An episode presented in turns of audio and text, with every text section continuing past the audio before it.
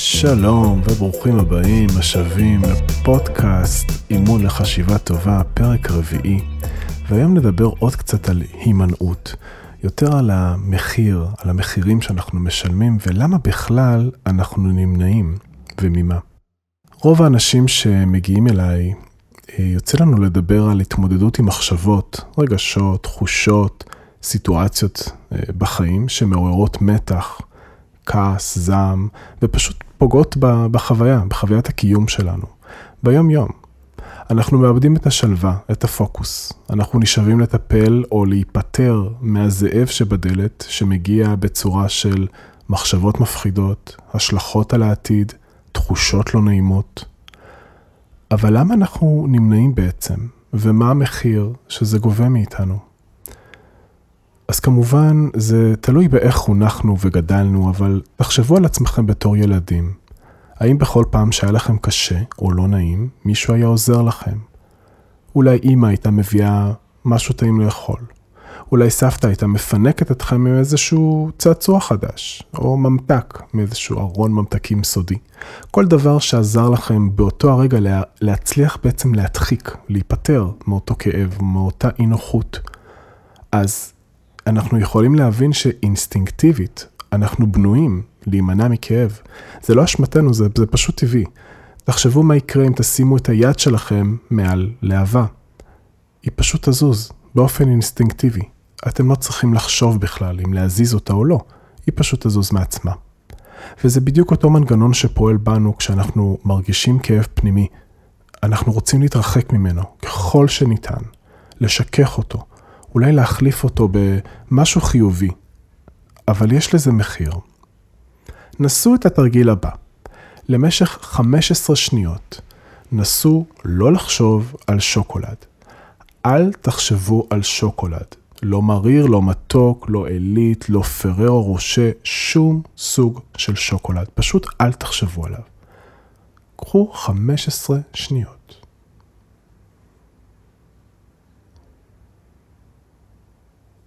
עשו את כל מה שאתם יכולים להימנע ממחשבה על שוקולד. וסטופ. איך זה היה? הצלחתם? אז אם עשיתם את התרגיל הזה, אולי הבחנתם בשני דברים. אחד, אתם לא באמת מצליחים לשלוט במחשבות שלכם. שוקולד פשוט קופץ מכל פינה לתודעה שלכם, כאילו ה mind שלכם עושה לכם דווקא. דבר נוסף שאולי הבחנתם, זה ככל שאנחנו מפעילים מאמץ, ככל שאנחנו מנסים להדחיק את המחשבה הזאת, או לא לחשוב עליה, כך היא חוזרת ביותר עוצמה, ואנחנו לא יכולים כבר להתעלם מהנוכחות שלה. אז מה קורה פה בעצם? מה זה המנגנון הזה ולמה זה עובד הפוך? מה שקורה פה נקרא אפקט הבומרנג. ככל שאנחנו מפעילים כוח והתנגדות בלהילחם במחשבה או ברגש מסוים, אז הם פשוט חוזרים, גדולים יותר, ואז הקושי להתמודד איתם גדל.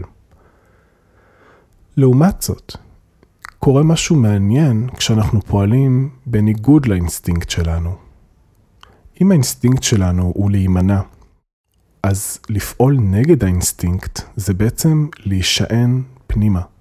לא רק שלא להימנע, אלא להתבונן, להתקרב, לשבת עם זה, להיות בנוכחות, לפתח את המיומנות של להתבונן במה שקורה עכשיו בשדה התודעתי שלי. במקום לראות את המציאות דרך אותן מחשבות, אני יכול לראות את המציאות בנוכחותן. ואז מה קורה? זה מתמוסס. הפחד, הדאגה, החרדה, מפנים מקום לערנות ומודעות. משהו מתחיל להשתנות. וזה היופי. ברגע שאנחנו מתבוננים בדבר, הוא מתחיל להתמוסס. באחת השיחות שלי עם מתאמן חדש, דיברנו על הפחד והמחשבות סביב הבריאות והחולי. הוא סיפר לי שלאורך כל הילדות שלו, ההורים שלו, בכל פעם שהוא הביע דאגה בנוגע לבריאות שלו, היו פשוט מבטלים את מה שהוא חשב והרגיש, והיו אומרים לו, הכל בסדר, תפסיק להדאיג את עצמך בשטויות. וכל מיני מילים מבטלות. בכל פעם שהיה מגיע עם כאב, צער או פחד מתחושות גוף, הוא היה נענה בביטול ובנפנוף.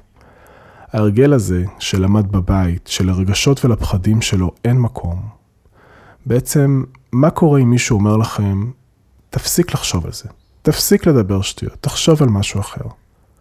הוא בעצם מבקש מכם להדחיק או להחליף, או לשים בצד את המחשבות והרגשות הלא נעימים ולהתרחק. אבל ראינו מה קורה כשאנחנו מנסים לעשות את זה. זה פשוט לא עובד. אז נכון, ההורים שלנו, אלה שחינכו אותנו אולי רק רצו בטובתנו, הם רצו שלא נסבול, שלא נדאג, כי מעמדתם הם מאמינים שאין סיבה. אבל עצם החוויה הזו מלמדת את אותו ילד שהרגשות הכואבים, המחשבות המפחידות, אין להם מקום כאן. אל תטריד אותנו בשטויות שלך, ואל תטריד את עצמך בהן. וכך אותן מחשבות מפחידות. ורגשות שמתלווים אליהם הפכו לבעיה חדשה, הם הפכו לאישו. וכך אנחנו גדלים, מתרחקים מההורים, אנחנו הופכים להיות עצמאים, אנחנו מנהלים את החיים שלנו לבד. אבל קורה משהו מעניין, גם כשאין מישהו שיבטל את הרגשות הלא נעימים שלנו. באחד המפגשים דיברנו על בוקר אחד שהוא התעורר עם מיחוש בגרון, תחושות לא נעימות. הוא ניגש למראה, הוא רצה לבדוק מה קורה שם, והמחשבות התחילו לרוץ. אולי זה חמור, מה זה יכול להיות, אולי זה קורונה, אני אצטרך ללכת לרופא, אני אעבור תהליכים מפחידים, אולי אפילו מסכני חיים. ה mind שלו סיפר לו את אותן מחשבות, אותם הפחדים והרגשות שהוא כבר מכיר כל כך מקרוב, כולם עלו.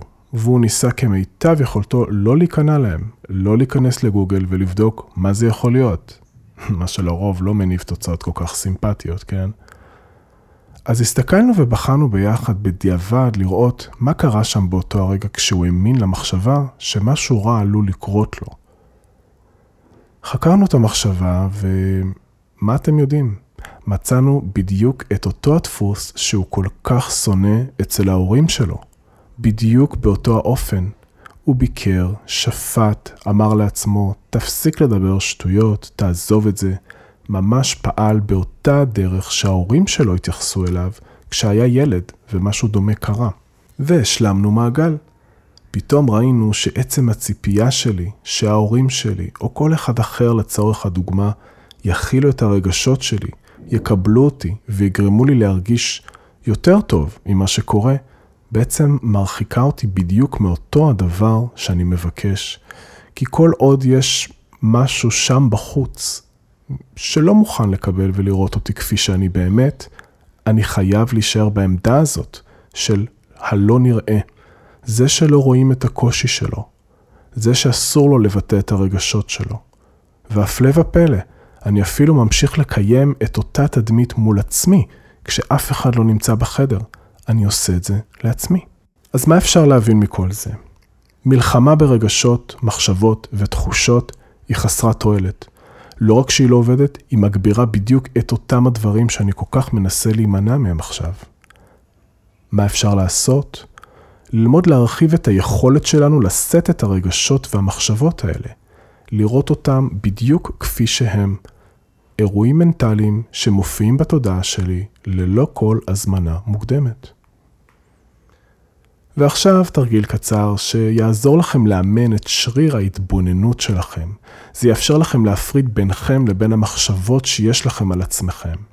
התרגיל הזה נקרא להוריד עוגן, וממש כמו בסערה, הדבר הטוב ביותר זה להוריד עוגן, לקשור את הסירה. הסערה אולי לא תיעלם, אבל הסירה תוכל להישאר במקום ולתת למים הסוערים פשוט לחלוף תחתיה. אז עצמו עיניים, או פשוט לרגע התבוננו בחוויה הפנימית שלכם. זהו את הקיום, את הנוכחות של מחשבות, של רגשות, אולי תחושות.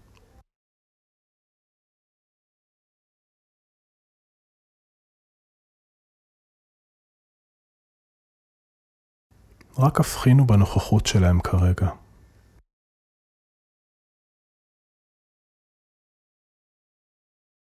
אולי במיקום שלהם, אולי רגשות מופיעים במקום אחר ומחשבות נמצאים במקום אחר, רק הבחינו לרגע.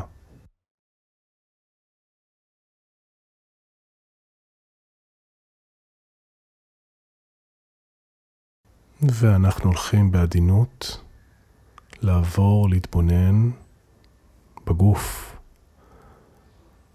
אותן מחשבות, אותן רגשות שזיהיתם, מתקיימים באיזשהו גוף שמכיל אותם וחווה אותם. בואו נרגיש רגע את הגוף הזה. אפשר לכווץ את האגרופים, אולי להתמתח, להזדקף, לדחוף עם הרגליים את הרצפה, רק תרגישו רגע את הגוף הזה. לנשום.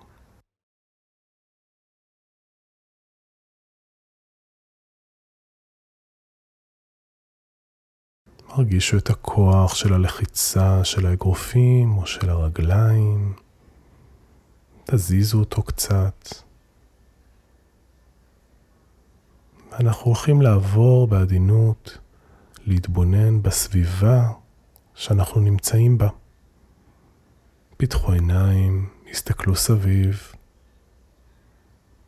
עטרו שלושה דברים שאתם רואים.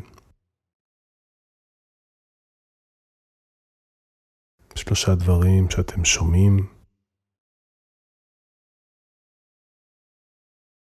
איזה ריחות יש בחדר. אולי תושיטו יד לגעת במשהו מולכם.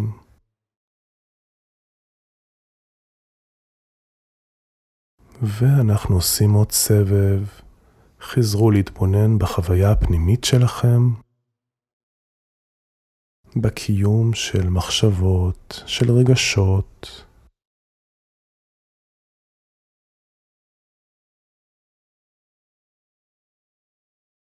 וכשאתם מזהים רגש או מחשבה, תנו להם שם.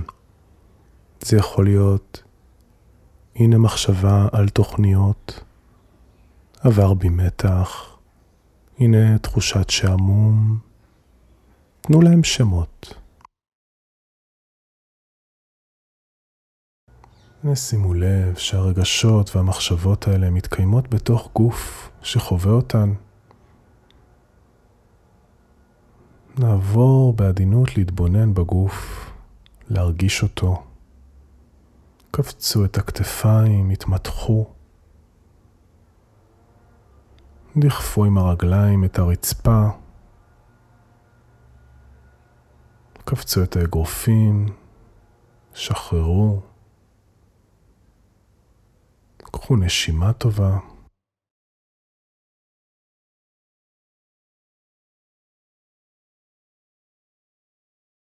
ובעדינות עברו להסתכל, להתבונן בסביבה. החדר שאתם נמצאים בו, החלל שמכיל את הגוף. עטרו שלושה דברים שאתם רואים. שלושה דברים שאתם שומעים. האם יש ריחות שאפשר להבחין בחדר? האם אפשר להושיט יד ולגעת במשהו, להרגיש את המרקם?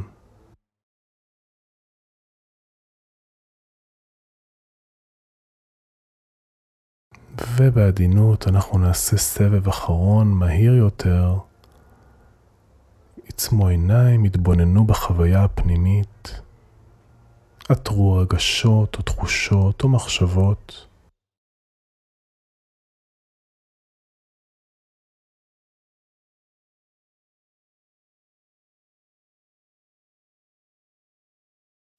בעדינות עברו להרגיש את הגוף, קפצו אותו, הרפו אותו, נשמו.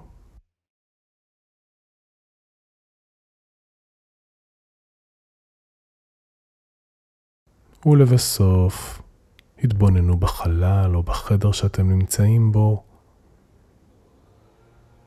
התבוננו בו, עטרו שלושה דברים. מה אתם שומעים? מה נמצא מולכם?